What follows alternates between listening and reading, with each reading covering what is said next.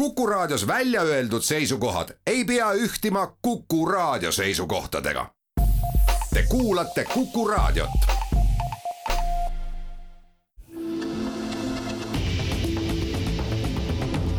kahevahel. põranda küsimustele leiab kõige parema vastuse RM stuudio. kahevahel.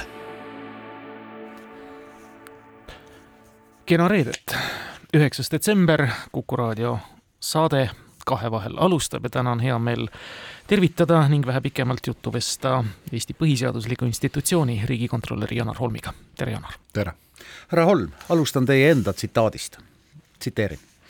oluline on, et kõikvõimalike uute imepäraste ja kulukate tegevuste väljamõtlemise kõrval jaguks meil tähelepanu ka aastaid lahendust oodanud teada-tuntud probleemidele Need vanad probleemid ootavad jätkuvalt lahendusi, ootavad otsuseid. kui me aga ise ei otsusta, teeb elu meie eest need otsused ise ja siis ei ole meil enam suurt midagi kaasa rääkida. päris karm hinnang ma arvan, et äh, see tsitaat on võetud aasta kõnest Riigikogule, kus ma tegin kokkuvõtet äh, olukorrast tervishoius, mis oli sellel aastal meie koondaruande äh, teema, see on see nii-öelda äh, põhjus, mis inimeste jaoks riik on, see on tervishoid, see on haridus, need on need teenused, mida riik pakub. Ja, ja viide sellele tõepoolest, et on, on aastaid-aastaid on olnud probleemid üleval, eelkõige selle viite puhul tervishoius, mille puhul edasiminekut ei ole, pigem on tehtud pingutusi selleks, et hoiaks kuidagi seda, mis, mis veel alles on jäänud, aga, aga, aga oleks vaja edasiminekut selleks, et meil oleks ka tulevikus see, millega me tavapäraselt harjunud oleme, kas tervishoius, hariduses, sotsiaalhoolekandes, milles iganes. julgeolekus just, aga see tähelepanu või ressurss läheb sageli selliste, selliste uute, uute projektide peale, millegi uue peale ja selle, selle tavapärase, mille jaoks riik inimese jaoks on olemas, selle peale alati seda ressurssi ja tähelepanu ei jätku. Ma tulen ka hiljem ühe tsitaadi juurde tagasi sellest samast kõnest, aga ühe värskema asjana tahaks rääkida nüüd üleeile parlamendi poolt vastu võetud Eesti tulevast riigieelarvest, mis hardas üksmeeles vaata et vastu võeti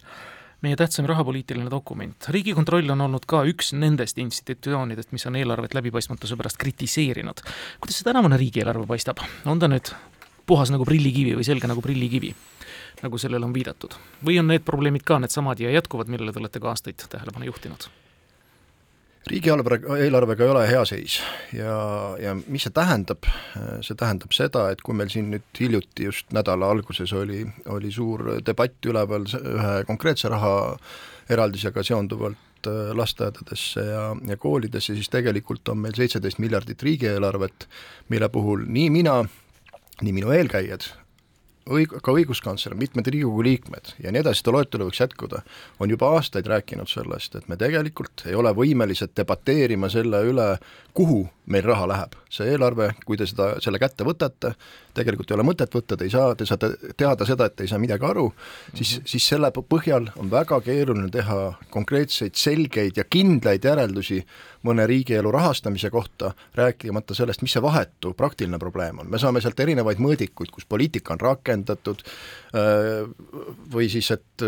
kuskil kellegi heaolu on tõusnud ja nii edasi, mis on väga olulised, aga mida konkreetne rahaeraldus, mille jaoks, mille, mis on selle mõju ja mida me saada tahame, seda paraku alati riigieelarvest ei leia. ma pean ühe asja siiski ütlema, selle aasta riigieelarve seletuskiri, mis ei ole iseenesest ju õigusakt, äh, on, on mõnevõrra parem ja selgem, et ma arvan, et seda, seda, seda suunda tuleb hoida, aga, aga midagi tuleb ka põhimõttelist ette võtta, et me päriselt sama sisukalt, nagu praegu lasteaedadest ja koolidest rääkisime, saaksime rääkida ka üle, ülejäänud seitsmeteist äh, miljardiga seonduvalt. vot oligi paradoks, seesamane katuseraha, mis nii hirmsasti probleeme tekitas, oli tegelikult meile kõige arusaadavam osa, et me saime aru, et Kastre lasteaed, vot see vabatahtlik priid, äh, komando ja nõndaviisi edasi, et ka tegelikult, mis asi see nüüd oli, see salajase katuseraha valesti jaotamine, see oli nüüd puhas mingisugune poliitiline mäng, noh, nagu Ekspress kirjutas, kus üks jäi lihtsalt lolli peaga vahele ja, ja lihtsalt sattus vale kulurida vale ministeeriumi alla. Ei oska mina neid kokkuleppeid kirjeldada, mis, mis poliitikute vahel toimusid, et kuidas see, kuidas see rahajaotus käis, aga, aga noh, kõige, kõige lihtsamalt võttes oli, oli meie vaates kaks pro probleemi sellel, sellel ettepanekul, esiteks see, et et iga minister vastutab äh, oma valitsemisala eest ja antud juhul oli ette nähtud siis see, et siseminister hakkab investeerima koolidesse, renoveerima koolimaju ja lasteaedu, mis on traditsiooniliselt kohaliku omavalitsuse teema, ehk siis riigihalduse ministri oma. võib-olla ta saab olla ka mingil viisil haridusministri oma, aga kui vaadata valitsuse seadust, siis see ei ole kindlasti äh, siseministri ülesanne miks see probleem on, võiks ju küsida, et väga tore, et lasteaed ju vajavad tegelikult investeeringuid ja koolimajad vajavad investeeringuid, aga see on samasugune probleem, kui oleks siis, kui näiteks keskkonnaminister otsustab, et ta ei ole päris rahul sellega, et äh, politseinikud saavad nii vähe palka, ta paneb omalt poolt ka midagi. et nii ei saa, et riigis peab olema selge vastutus, üks minister vastutab ühe valdkonna eest, teine teise valdkonna eest, sellepärast et me ka ressurssi kasutasime mõistlikult. või et ei peaks see õnnetu kohaliku omavalitsuse inimene käima mööda ministreid ringi ja otsima seda, kes äkki tema lasteaeda korrastab, ei, vastutus on selge, selle eest vastutab kohaliku omavalitsuse vaates riigihalduse minister ja haridusvaldkonna mõttes haridusminister. ja see on väga ja. põhimõtteline küsimus, väga põhimõtteline küsimus. kultuuriminister ei osta meil tanke. jaa, seda küll ehk siis te väidate, et riigieelarve peaks olema tegevuspõhine olemuselt, aga ei ole? riigieelarve peaks olema selline, et need, kes otsustavad, saavad aru, mida nad otsustavad ja need, kes loevad, saavad aru, mis seal kirjas on. ja kas ta on tegevuspõhine või mitte, seda võib arutada väga hea, kui Eesti suudaks teha korraliku tegevuspõhise riigieelarve, et mis on päriselt tegevuspõhine. see, kui panna näiteks äh, viinerite pakile peale, et need on beebiporgandid, see ei muuda äh, neid viinereid veel äh, beebiporganditeks ja, ja, ja, ja, ja rääkides tegevuspõhisest eelarvest, siis teeme siis, aga teeme siis päris tegevuspõhise eelarve. et mina ei ole tegevuspõhise eelarve vastane, siin on debattides aeg-ajalt, et no kuidas siis ei ole nõus tegevuspõhise eelarvega. loomulikult need eesmärgid on õiged, aga aga me ei suuda seda teha, kui selle tagajärjeks on segadus, et me ei tea, kuhu raha läheb, siis sellisel asjal ei ole mõtet. ühesõnaga, teeme tegevuspõhise, aga teeme siis korraliku tegevuspõhise eelarve. aga ma olen skeptiline, kas me tegelikult riigina oleme võimelised seda kohe sellise hooga tervikuna tegema andke nüüd nõu, kuidas ähm, Timo Tarve ja Ainar Ruussaar ja produtsent ja kõik meie kolleegid ja kõik Eesti kodanikud, kes siin elavad ja alalised elanikud, kes siin elavad, kuidas nad maksumaksjana aru saavad, kuhu riigi raha tegelikult läheb, ehk siis riigi raha, mis on ju otseselt ka meie endi raha. kas me saame seda, sellest kuidagi üldse aru saada? Tagantjärgi saab teada, et tagantjärgi saab kindlasti teada seda muret, et äh, pimedus valitseb selles, kuhu raha läks, ei ole, lihtsalt kui eelarveaasta on läbi, siis saab vaadata äh, kuhu see raha läks, aga riigi juhtimine ei peaks niipidi käima ja, ja, ja ka see nii-öelda ka avalikkuse arusaamine sellest, kuidas riiki juhti ei peaks, peaks käima tahavaatepeeglis, vaid ikkagi ette, ehk et oleks ette näha, ahah, mida te teha tahate, kui palju raha te äh, sinna tahate panna et oleks võimalik arutada, kas see on mõistlik, kas see on prioriteetne, et kas selle tulemuslikkus on piisav ja nii edasi, et seda oleks vett, et seda hirmu, et me teada ei saa, kuhu läks, seda ei ole, selles mõttes on ikkagi kõik asjad korras, et tagantjärgi on võimalik kõik tuvastada, sama kinnitada. aga, aga räägime tervikust, räägime planeerimisest üks vahepeal valitsuses olnud erakond tõi välja oma rahandusministriga selle noh, probleemi, millele te siin ka praegu viitate, et üks korralik selline revisjoni audit tuleb teha, et riigieelarve puhul me räägime küll seitseteist miljardit, aga see, mis nii-öelda reaalselt on see kauplemise koht poliitikutel, on ikka üsna väike ja õhuke kiht sellest riigieelarvest, et üsna palju on sellist muutumatut seisnud seal, ütleme aastast üheksakümmend viis. me teame, et teatud pakett, üha suurenev pakett läheb pensionideks, midagi läheb seal veel, midagi kindlat on siin aasta-aastalt nagu ridadega lisandunud, aga see lõpuks, mis see, mis see pealmine osa on. et kas me peaks kogu selle nii-öelda eelarve ikkagi ikkagi tükkideks lahti võtma ka teie hinnangul ja tegema ikka korraliku revisjoni sellele? loomulikult, see tuleb tükkideks eh, lahti teha, et ta tõesti paistaks läbi, mis tükkidest me räägime, ka see jutt ju sellest, et kui palju meil raha jaotada on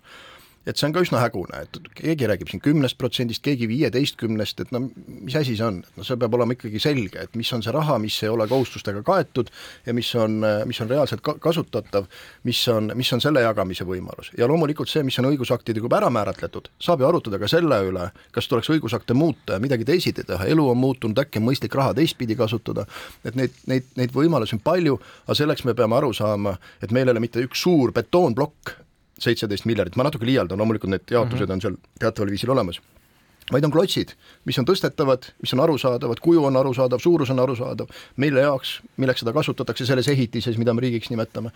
raha mõttes, nii et see ülevaade oleks mõistlik ja hädavajalik. see on ikka jube keeruline aeg, kus me elame, et me võime ju detsembri keskel riigieelarve heaks kiita, nagu juhtus, nagu õnneks on juhtunud kõik viimased aastad, aga tänases maailmas me ju ei tea, mis meid tegelikult kaks tuhat kakskümmend kolm ees oostab kas tuleb mingi siilikatk või tuleb veel üks sõda kusagil meie, meie läheduses Euroopas või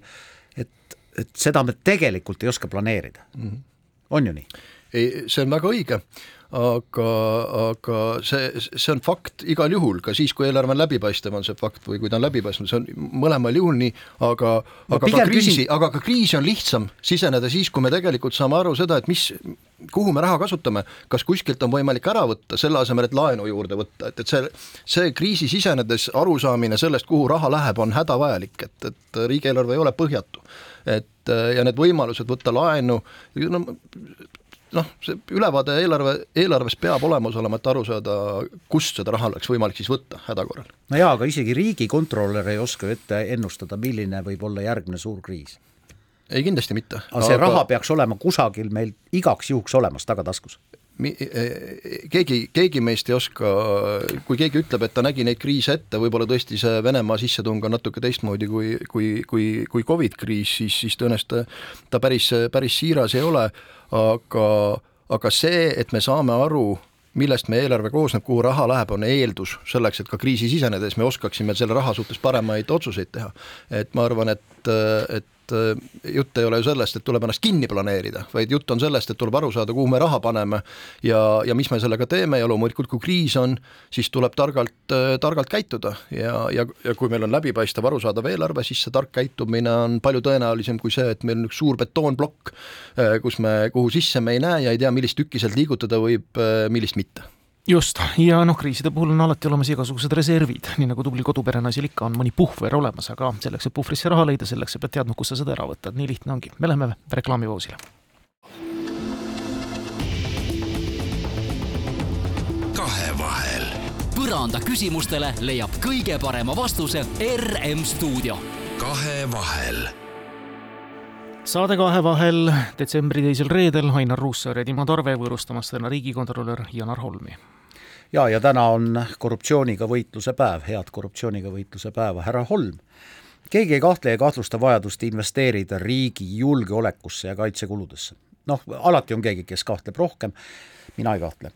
see on osaliselt salajane valdkond, kas me omame tegelikult äh, ülevaadet ja kontrolli selle üle, kas kaitsekulutused on tehtud piisavalt targalt ja piisavalt otstarbekalt? ma arvan, et, et see on ka paljuski ju hinnangu küsimus, tark, otstarbekas, et jah, meil on, kui me räägime Riigikontrollist, Riigikontrollil on võimalik seda valdkonda auditeerida ja me oleme seda teinud. Ka investeeringute teemal ja saan ette öelda juba ka seda, et teeme ka lähiajal uuesti, sellepärast et on läinud olulised investeeringud äh, kaitse, kaitsevõime tugevdamiseks, äh, seda on meilt palju küsitud, et Äh, seoses eelmise aasta lisaeelarve, kus tõesti suur ressurss läks sinna. ja me seda kindlasti vaatame lähiajal, et siis ma saan sellest ka lähemalt rääkida, nii palju kui sellest rääkida saab, sellepärast ja, et no. on, on, on nii-öelda ka asju, mida me auditeerime, millest me avalikult rääkida ei saa, aga need, kes otsustajad on Riigikogus, saavad sellest kindlasti teada, kui, kui, kui tõsiseid probleeme on, kui väga tõsiseid probleeme on, ma kinnitan, kui ka eelmistel kordadel oleks olnud, siis need oleks ka avalikuks kindlasti tulnud. ma absoluutselt ei kahtle selles, et kaitseinvesteeringud lähevad õigesse kohta, lihtsalt lihtsalt kui julgeolekuolukord nõuab seda, et see summa suureneb kolme protsendini SKP-st tulevikus, ma olen kindel, et ta suureneb, et siis tekib ka neid küsimusi, et noh, kas ikka õigesti jah, noh, alati on küsimus, et äh, tõenäoliselt kaitse, kaitsevõime tõstmise sobiks ka neli protsenti ja viis protsenti, võib arutada selle üle no,, mis, mis, mis on see mõistlik kulu, aga noh, see ei ole Riigikontrolli äh, õigus isegi öelda, see on poliitiliste valikute küsimus. kas Riigikontroll taolistel puhkudel noh, nii-öelda on sunnitud, peab hindama ka seda, kui efektiivselt loomulikult on see raha kasutatud, kuni sinnamaani välja, et kas ostetud haubits on ikka piisavalt hea? Ei, äh, nii head me ei ole, et hinnata seda, kas äh, haubits on piisavalt hea, loomulikult on, kui me auditeid teinud oleme, me oleme ka sedalaadi küsimuste jaoks eksperte äh, kaasanud, aga loomulikult see lõpuks sõltub ju vajadustest ja seda, seda vajadust oskab kõige paremini hinnata siin Kuku stuudio kõrval olevas majas olev, olevat, olevas majas olevad kõrgemad riigikaitsejuhid. kui keegi veel ei tea, siis jah, Kaitsejõudude Peastaap asub meist kiviviske kaugusel kui Ainar alustas saadet tsitaadiga, siis ma jätkan ka tsitaadiga ja see nüüd puudutab selle aastast aastaaruannet. riigikontroll igal aastal keskendub siis teemale või teisele, sel aastal oli see meid kõiki puudutav tervishoid. ja noh, perspektiiv äh, aastaauditi vaatest ei ole nüüd väga ilus, kiireid lahendeid ei ole, sest et äh, see on ka arusaadav, kiire lahend eeldab seda, et me kolme päevaga koolitame välja arsti, mis on lihtsalt võimatu. aga üks väljend ja üks tsitaat Eesti tervishoius on puudus tahtest, julgusest ja võimest kokku lepitud ka ellu viia. ehk siis plaanid, strateegiad on olemas, koosolekuid on peetud, aga seda, mis on otsustatud, me lihtsalt kas tõesti ei julge või ei taha ellu viia ja mis põhjusel sel puhul, kas poliitilise tahte puudumisel, argusest, vahendite puudumisest? Tõsi on see, et kui vaadata neid strateegiaid, mis äh, tervishoidu puudutavad, siis äh, süda sulab kõigil, kes loevad, sellepärast et probleemid on õigesti adresseeritud, nagu bürokraatias öeldakse, tundub, et kõikidele probleemidele on reageeritud nendes dokumentides, kõik on nagu hästi, aga tõepoolest ja see on aastast aastasse niimoodi, aga, aga, aga miskipärast need asjad ei sünni nii, nagu seal kavandatud on, mis see põhjus on? esimene põhjus on see, et see ongi keeruline teema, teine põhjus on see, et see ongi kallis. äh, valdkond, mis äh, tervishoidu puudutab. ja kolmas on see, et, et äh, lahendused ei ole lihtsad. väga paljud need probleemid ja süvenevad probleemid on seotud inimeste puudusega, arstide puudusega ja need, äh, need nii-öelda tervishoiutöötajate puuduse või see ei mahu isegi nii-öelda eelarve või vabandust, sellesse strateegia vaatesse, see, see, et saada arsti, see võib võtta üheksa aastat, see võib võtta kümme aastat, nii et need, need nii-öelda probleemid on, probleemid on suured ja, ja minu meelest kirjutas äh, väga hästi äh, siin Eesti Päevalehes oli ükskord, ükskord artikkel sellest, et sageli on mitteotsustamine ohutum kui, äh, kui otsustamine. ja ma arvan, et see, see nii-öelda otsustamine, reformi tegemine, päris reform, päris reform tähendab seda, et kelleltki võetakse midagi ära ja kellelegi antakse juurde. et seal on kannatajaid ja, ja seal on võitjaid, et et päris reformid on, on, on päris keerulised ja need on ohtlikud. et et sellest võib vitsa saada, aga see, kui sa kangelaslikult kõnnid kuni kriisini, kus tuleb välja, et enam midagi ei ole võimalik teha, siis tuled sealt võitjana välja, mina olen see, kes nüüd sain lisaraha ja ma toon tervishoiu nendest, nendest probleemidest välja, nii et noh, et siin on jah, erinevaid, erinevaid põhjuseid ja noh, kui me nüüd oma auditit või seda aastaaruannet tehes ka kuulasime, mis nüüd edasi saab, siis noh, arvake ära, mis on järgmine samm, hakatakse tegema uusi arengukavasid ja mm, -hmm. ja kahe aasta pärast on valmis ja siis saab neid rakendama hakata ja, ja, ja ma kardan, et me oleme selles rattas lõputult, lõputult, lõputult, kuna, kuni juhtub midagi tõsist, kus tekib revolutsiooniline olukord, kus me enam ei suuda, enam ei taha ja siis hakatakse seda lahendama. Janar Holm, ma ei saa ühest asjast aru. kui mina ülikooli astusin, Tartu Ülikooli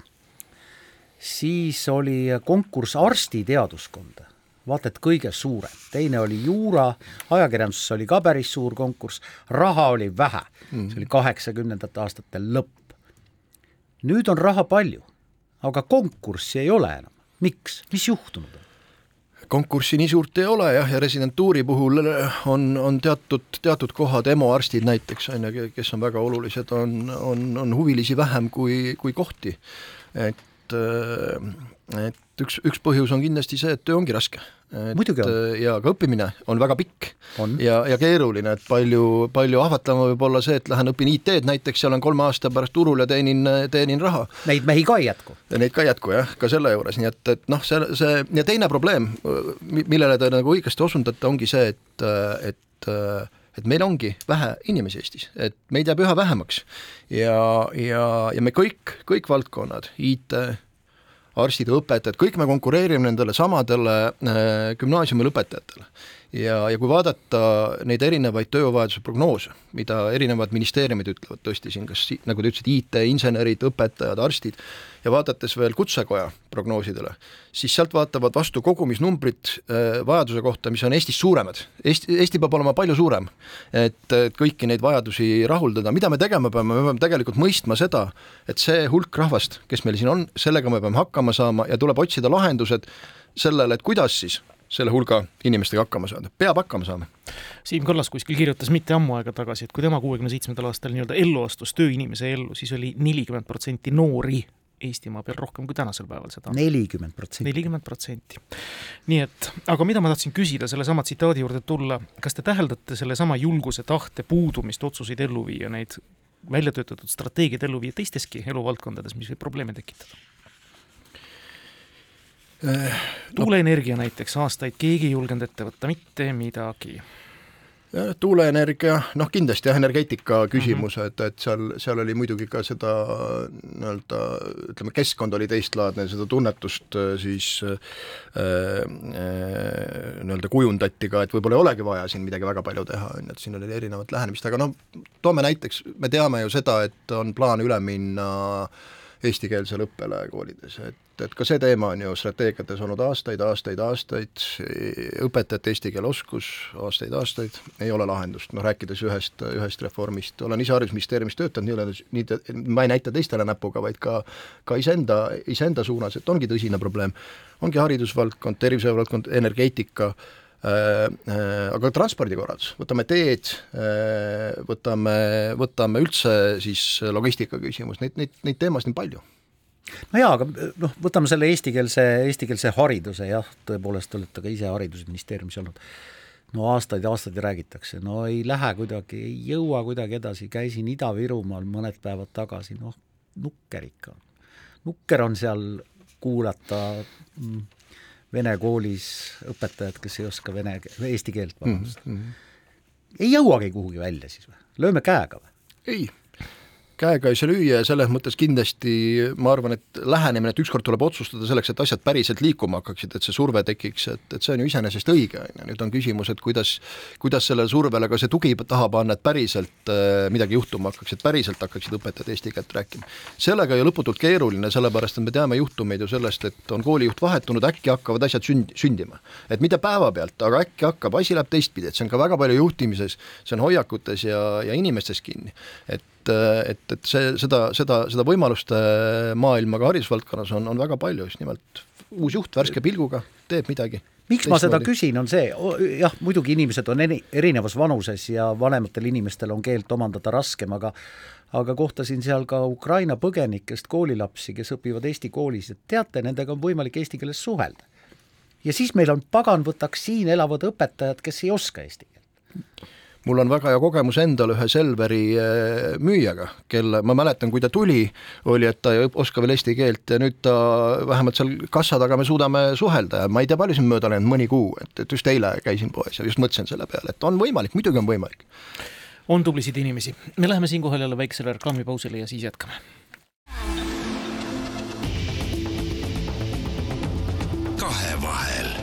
Põranda küsimustele leiab kõige parema vastuse RM stuudio. kahevahel ajakirjanikud Timo Tarve ja Ainar Ruussaar jätkamas vestlussaadet Kahevahel ja täna on Kuku raadio otsestuudios meie vahel riigikontrolör Janar Holm ei hõbedat kulda leidume maal, kuid viljakandvat mulda on igal pool, parafraseerides seda võiks öelda, et meil on ka muud ilusat maavara nagu lupja ja lubjakivi ja liiva ja kõike muud fosforiiti. fosforiiti ka. aga raha ja inimesed ei ole siis ainus vara, mida Eestil on võtta ja mida Riigikontroll auditeerib, ta teinekord vaatab ka maa alla, vaatab, mis seal on ja kas seda on ikka otstarbekalt kasutatud. üks värskemaid auditi aruandeid annab siis hinnangu sellele, kas sellest kvaliteetsest lubjakivist, päris kõigest kivist ei saa teid ehitada. mis meil on, kas sellest jagub ikka need neljarealiste maanteede pluss Rail Balticu ehitamiseks ja tõdeb, et ei jagu. kvaliteetset lubjakivi jagub meil kahe tuhande kahekümne kuuenda aastani põhimõtteliselt ja selle pealt ikka väga kaugele ei ratsuta. majandus- ja Kommunikatsiooniministeerium on auditi kohaselt sellest teadlik, nad ei ole mitte midagi ette võtnud, see on päris karm etteheide jah, küllap nad on midagi teinud, aga küsimus on selles tulemusrikkuses, et kas meil see, kas meil see lubakivi on kättesaadav, plaanidele vastav, liiv ja, liiv ja kruus, et et tõepoolest probleem on selles, et aastaks kaks tuhat kakskümmend kuus ta võib otsa saada siis teatud kohtades, kui kui me vastavalt plaanile neid neljarealisi teid välja ehitame või siis Rail Balticut teeme, aga miks mitte ka tuuleparke, ka mhm. sinna on vaja materjali, et ka ehituseks on vaja materjali, nii et see on, see on palju palju laiem küsimus, et, et tõepoolest me oleme rääkinud või kogu aeg me teame seda, et aastaks kaks tuhat kolmkümmend saavad neljarealised teed valmis, Äh, pikka aega oli juttu ka sellest, et Rail Baltic saab aastaks kaks tuhat kolmkümmend valmis, aga tegelikult oli kogu aeg selja taga teadmine, et eeldus selleks ei ole. eelduseks, ehk siis see, kas on olemas see maavara, millega neid teid ehitatakse, tegelikult ei ole. ja teadupärast teed ei saa, reltsi ei saa õhku panna ja nii ei saa ka asfalti õhku panna, sinna alla on kruusa vaja, et ei saa, ei saa nii, et ilma kruusata need teed valmis teha. üsna ehmatav oli tegelikult äh, ka keskkonnaministri äh, kommentaar nüüd hiljuti Äh, hiljuti Riigikogus ühel, ühel siis riigieelarve kontrolli erikomisjoni istungil, kus ta nõustus meie, meie nende auditi peamiste järeldustega, aga ütles seda, et Harjumaal on piir ees kaevanduste avamisel. mida see tegelikult tähendab? et tegelikult on see kvaliteetne killustik peamiselt Harjumaal ja siin Põhja-Eestis natuke ka läheb sinna ida poole, aga peamiselt siin, kui see piir ees on, siis see tegelikult tähendab seda sõnumit, et ei ole võimalik ehitada neid neljarealisi teid, ei ole võima-, võimalik, võimalik ehitada äh, äh, Rail Balticut, nii et, et see on, see, see oli väga, väga tõsine, tõsine seisukoht ja nüüd ongi küsimus, auditi käigus välja ei tulnud, et see piir ees on. et mis nüüd saab? Me ju teame seda, et äh, maavara kui sellist maal on, selle puudust ei ole, küsimus on lihtsalt seda, et igalt poolt seda kaevandada, looduskaitselistel põhjustel, inimeste maja kõrvalt päris, päris ju ei, ei saa seda teha, seal on väga palju erinevaid häiringute küsimusi ja nii edasi, et aga, aga, aga mis see siis tähendab, see on, see on suur küsimus. see on suur küsimus jah, ja see on äh, üks osa veel suuremast küsimusest, ehk siis rohepöördest. et äh, noh, juba praegu on väga palju probleeme, kes on poolt, kes on vastu, kes kehitab õlgu. Äh, teie olete optimist, rohepööre kaks tuhat kolmkümmend viis saab teoks? mu amet ei luba mulle Ennustada. liigne optimist olla, et, et, et ootused on natuke teistsugused, et eks meie peame nägema ka neid probleeme, mis sel teel võivad esile kerkida, ma arvan, et see suund on ju õige, noh, see, siin ei ole üldse mingisugust küsimust ja sellega ei olegi, ei olegi plaanis debateerida, nüüd on küsimus, et mis on jõukohane, mis aja jooksul, mis sammudega, et me jälle ei maaliks nii-öelda seda äh, neljarealiste teede lootust, mille taga ei ole ei raha ega, ega maavara. just sinna no., sinna ma tahtsingi küürida et, et, et selles mõttes oleks, oleks oluline, minu arvates ettevõtjad on teinud väga häid ettepanekuid, et võiks olla ka konkreetne õigusakt, mis ütleb selgelt ära, millal me midagi kavatseme teha, et nemad julgeksid teha oma investeeringuid, teaksid teha oma, oma investeeringuid, et et mida, mida, missugust ressurssi võib mis, mis ajani,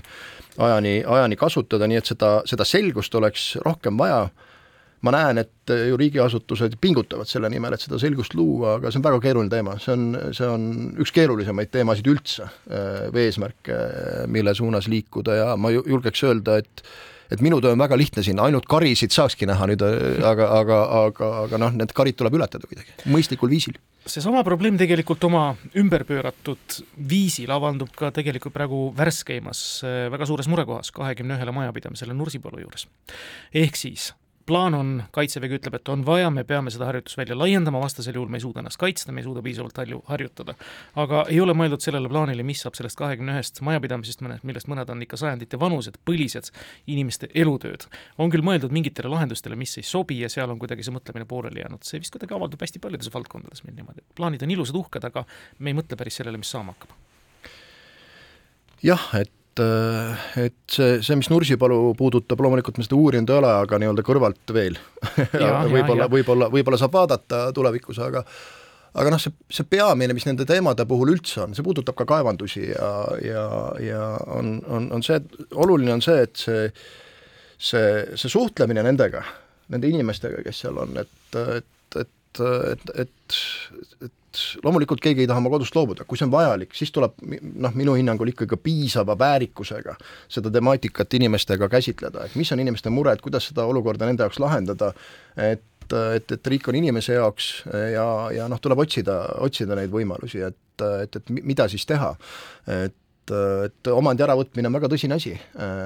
No ma ei, siin ei olegi plaanis kellelgi omandit ära võtta, aga ütlen siis nii-öelda võõrandamine, see sundvõõrandamise küsimus on väga tõsine küsimus ja siin peab eriti, eriti hoolikalt äh, sellele lähenema, aga noh, teiselt poolt on ka see, et kui me tahame siin Eestis äh, riigina funktsionaalselt toimida, siis me peame sageli need küsimused ära lahendama, kuskil on vaja seda harjutusväljakut, kuskil on vaja seda kaevandust, kuskil on vaja seda tehast, et äh, ei ole ainult võimalik nii-öelda ehitada või nii-öelda hüvesid pakkuda riigil, kui sissetulekut ei ole, kui me kui me oma põhifunktsioone ei suuda täita. Et kuidas seda tasakaalu seal hoida, see on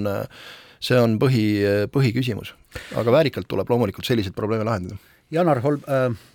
selline küsimus, mida,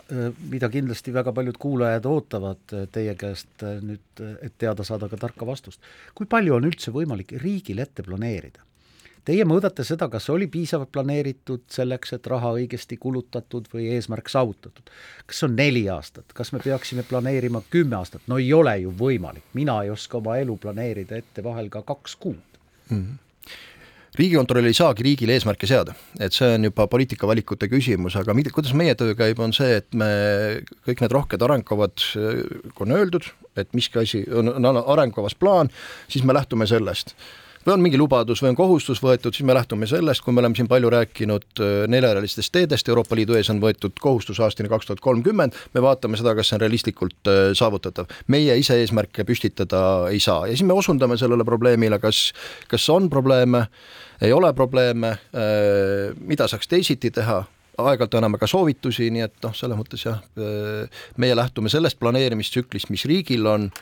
ja riik peab alati olema valmis, kui te ütlete, kas on võimalik pikalt ette planeerida, riik peab alati olema valmis ka paindlikult äh, muutma oma plaane, siis tuleb sellest rääkida, asjad on nüüd nii, nendel, teistel, kolmandatel, neljandatel põhjustel tervisekassa seisab igal aastal ühe selliste valikute ees, mis on väga valusad osadele patsientidest, see puudutab siis soodisravimite nii-öelda väljavalimist, millised riik hüvitab, millised mitte, seda kutsutakse kuluefektiivsuseks, sellesama Nursipalu näite juurde tagasi tulles, kas üleüldse on võimalik hinnata, no mingit pidi on võimalik hinnata ja kui keegi peaks seda hindama, on see Riigikontroll, et on see nüüd kuluefektiivsuselt mõõdetav, see kasu, mida me saame harjutusvälja laiendamiselt, selle kahjuga, mille saavad need kakskümmend üks majapidamist? Ma tõesti ei oska seda mõõta, et ma ei ole nii, nii äh, hästi kursis sellega, et, et äh, kui suur see äh, harjutusväljak peab olema ja nii edasi, ma ei oska seda, ma ei oska seda öelda. aga laias laastus tuleb need rehkendused ära teha loomulikult, loomulikult. Ja, ja ma, ma, ma kahtlustan, et need on tehtud, et et äh, siin on küsimus minu meelest paljuski ka võib-olla selles kommunikatsioonis on kõrvalt jäänud, jäänud tunne ja ja noh, lõpuks võid ükskõik kui head kommunikatsiooni teha, aga kui inimene hakkab kodust ilma jääma, et siis noh, siis, siis see on põhimõtte küsimus tema jaoks muidugi on, absoluutselt, absoluutselt nõus, et see on põhimõtte küsimus, aga täpselt samasugune vastaspõhimõtte küsimus on ka see, et me tahame, et meie sõdurid, meie kaitseväelased oleks hästi välja õpetatud, nad suudaksid vastasele vastu panna ja nad saa-, jääksid ellu. jah, see, see ongi, see ongi valikute küsimus, et kui me tahame seda eesmärki saavutada, siis see harjutusväljak peab kuskil olema ja, ja ma eeldan ikkagi, et on valitud äh, koht, kus selle, kus sekkumise vajadus on kõige väiksem ja ta on funktsionaalselt kõige, kõige sobivam. aga, aga see puudutab paljusid teisi asju, see puudutab täpselt neid kaevandusi, see puudutab neid tehaseid, mis jäävad Eestis ehitamata, sellepärast et, et et on see nii-öelda mitte minu taga, tagahoovis äh, olukord, nii et noh, see, me peame seda mõistma, et me peame ka, kui me tahame, et me riigina toimime, siis neid funktsioone tuleb kuidagi täita, seal on teatavad kaotused keegi, keegi kannatab selle tagajärjel, aga see kannatus, selle suhtes peab olema tähelepanelik ja, ja seda tuleb ikkagi väärikalt nii, nii emotsionaalselt kui, kui ka rahaliselt äh, kompenseerida. Öelge, ma ei tea, kas see päris teie ampluaa on, aga need talumistasud, rääkides nii-öelda inimeste kannatustest, kas need on Eestis piisavad?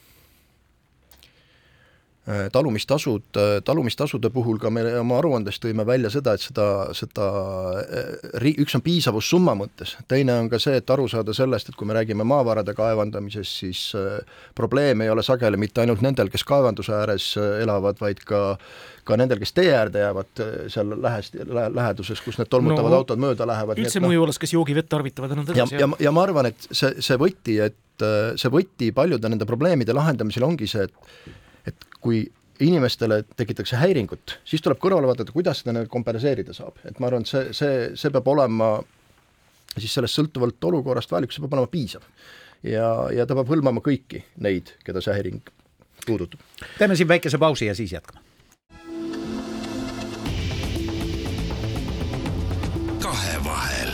põranda küsimustele leiab kõige parema vastuse RM stuudio. kahevahel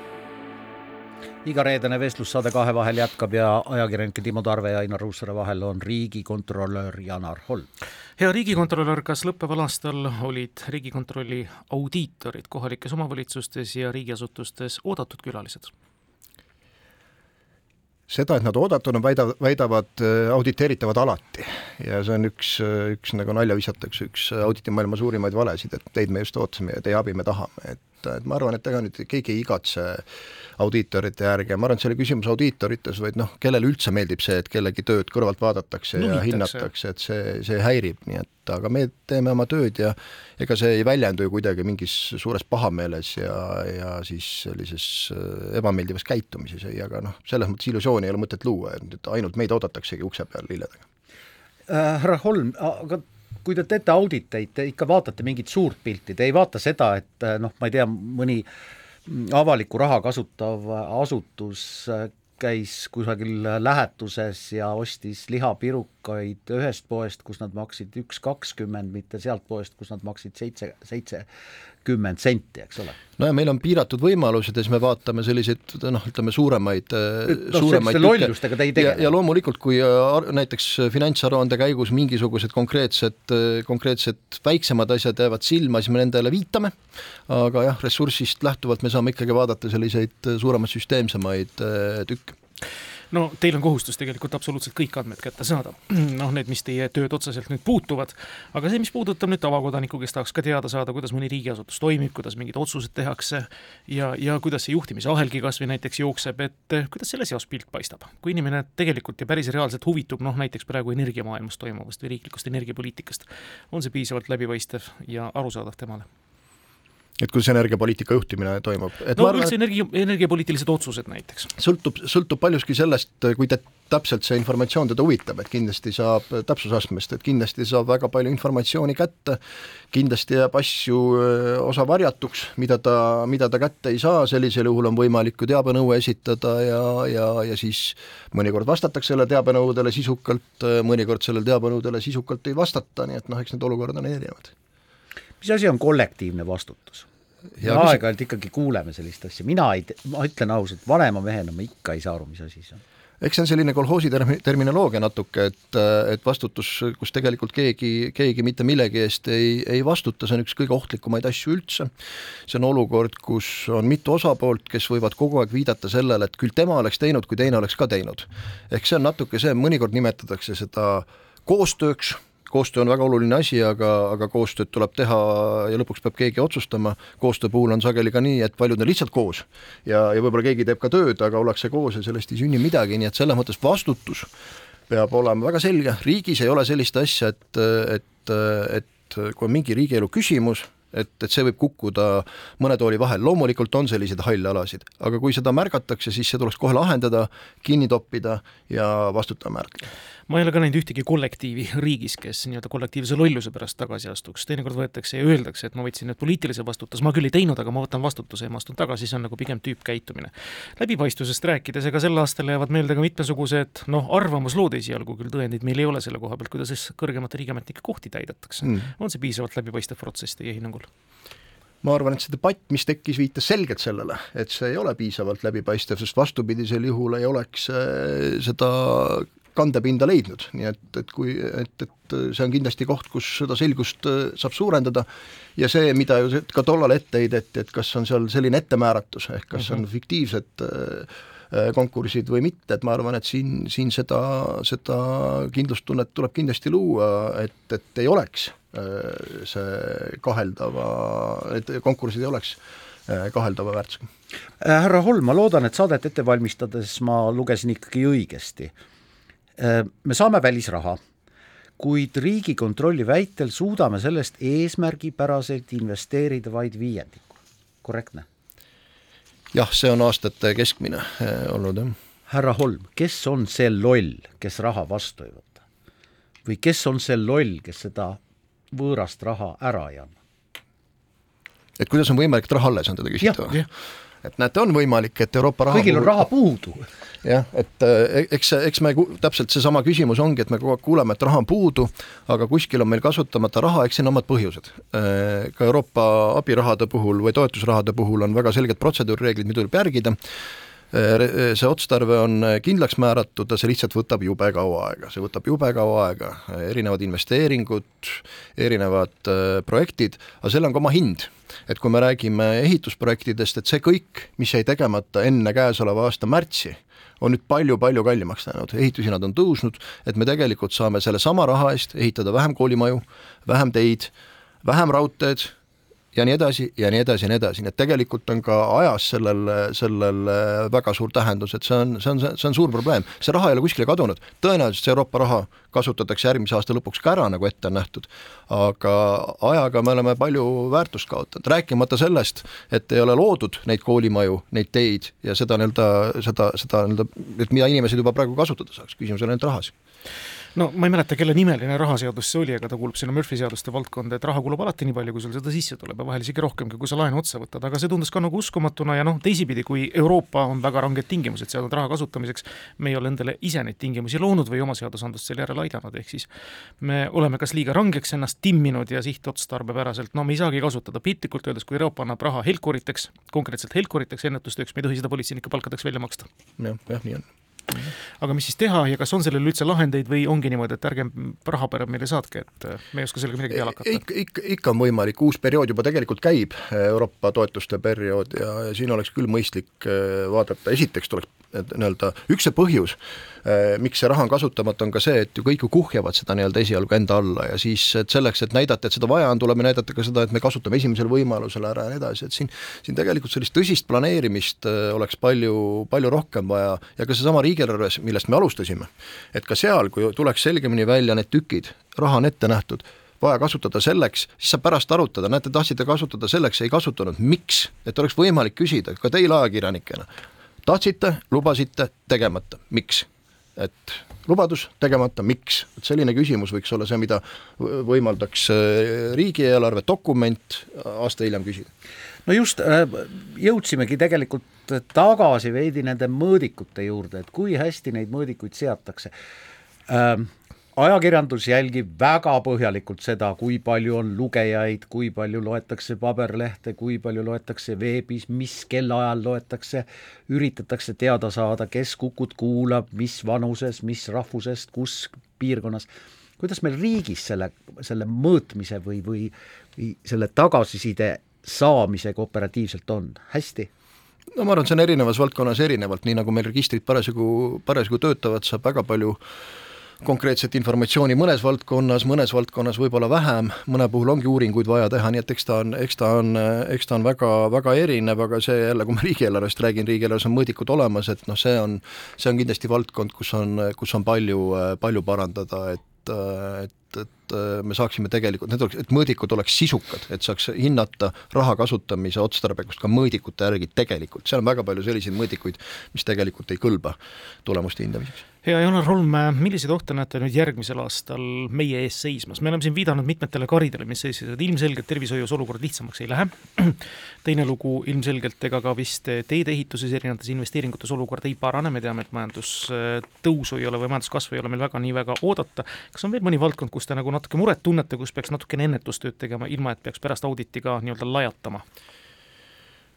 No järgmisel aastal on Eestis suur demokraatia pidupäev, valimised. Ja, ja, ja, ja valimised tähendavad ju alati ka seda, et tulevad uued, uued lubadused, uued projektid ja mis tähendab tegelikult raha, ehk et kindlasti saab olema huvitav see, et kust nende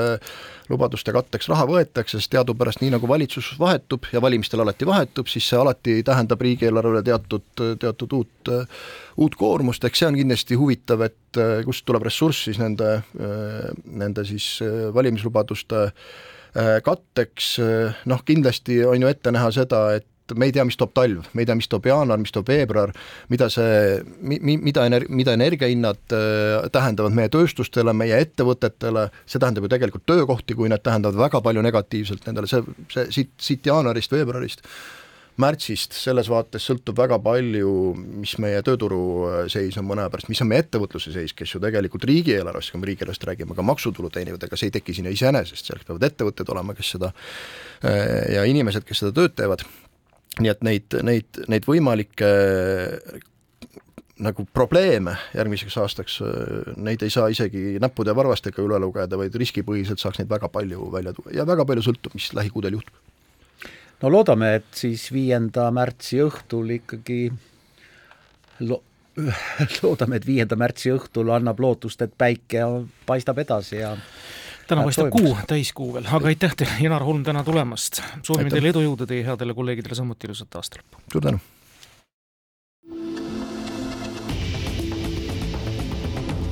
kahevahel. põranda küsimustele leiab kõige parema vastuse RM stuudio kahevahel